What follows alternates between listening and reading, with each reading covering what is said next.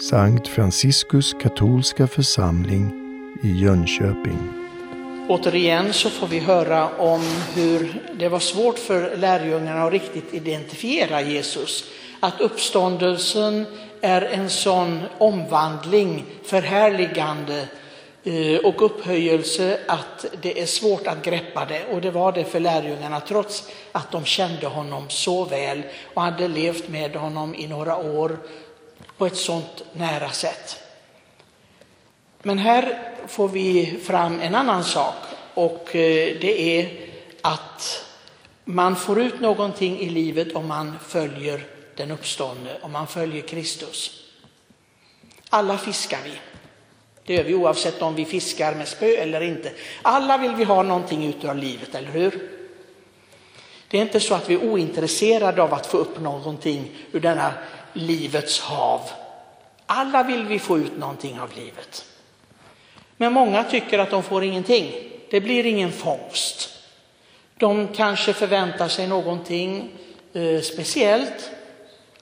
Speciell lycka, framgång i livet, jag vet inte vad. Men det blir ingenting. Och det blir heller ingenting som är någonting av värde om man inte fångar in det så som Herren vill. Igår kväll, jag vet inte varför jag kom in på det, jag bara satt och väntade på min medbroder. Vi, vi skulle äta tillsammans och satt jag på Youtube. Och jag brukar titta på programmen om hur man firar påsk i Israel för det tycker jag är så intressant och särskilt vid heliga graven och så. Men så kom, bland de här grejerna som kom upp så stod det drottningen i Versailles, den sanna drottningen i Versailles. Och jag tänkte vad är detta för någonting? Så jag slog på den här drottningen i Versailles och det visade sig att det var en miljardärska. Ja, hon var gift med en miljardär. Eh, de ägde någon, någon serie eller någon kedja av hotell, Westgate eller någonting sådär. Det var otroligt rika människor. Och eh, de hade fått för sig, de här två eh, människorna, att de skulle bygga världens största hem som någon bodde i. Och de kallade det för Versailles alltså det största slottet som finns. Men så hände det någonting som de inte hade beräknat i livet. Och det var att deras eh, äldsta dotter dog i överdos. De hade gått på ett bröllop och hon hade sagt att hon ville inte följa med för hon ville träffa sin pojkvän. Och pojkvännen var en riktig skurk. Han, han var med någon annan tjej. Och eh, hon tog en överdos för att eh, dämpa sin sorg och sin bitterhet. Och hela deras liv gick i spillror. Naturligtvis så fortsatte de inte med det här drömhemmet och alla saker. Deras liv blir totalt kvaddat kan man säga av detta. Och de, kunde knappt, de kan inte resa sig ur det nästan, ur sorgen och besvikelsen. Och människor som har allt, de hade skaffat sig allt. kan tänka hur många människor som var avundsjuka på dem.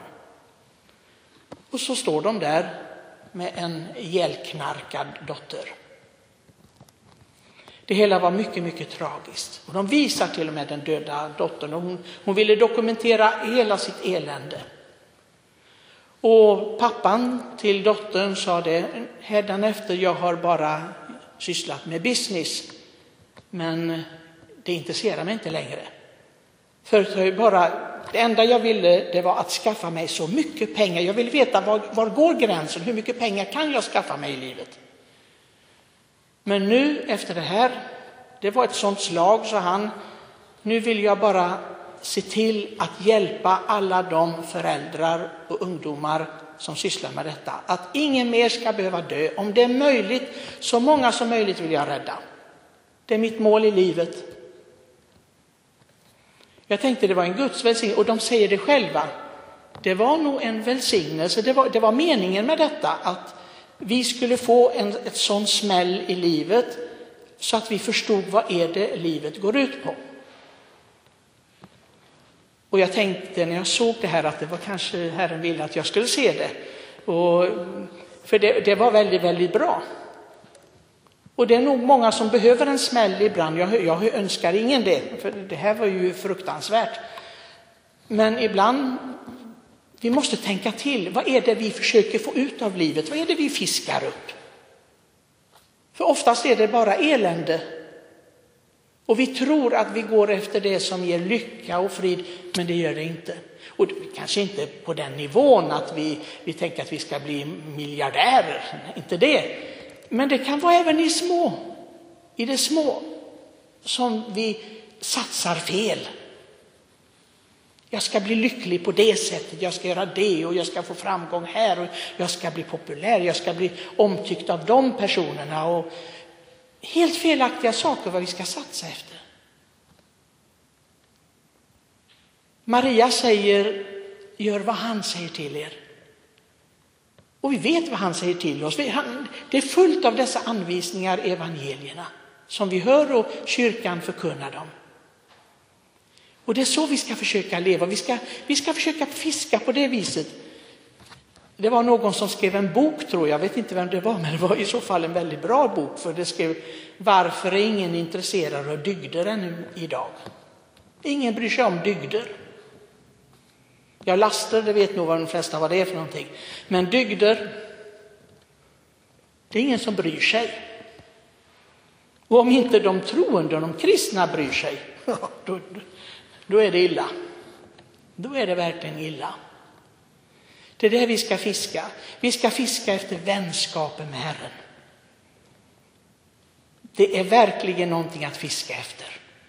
Att få vara så nära honom som möjligt.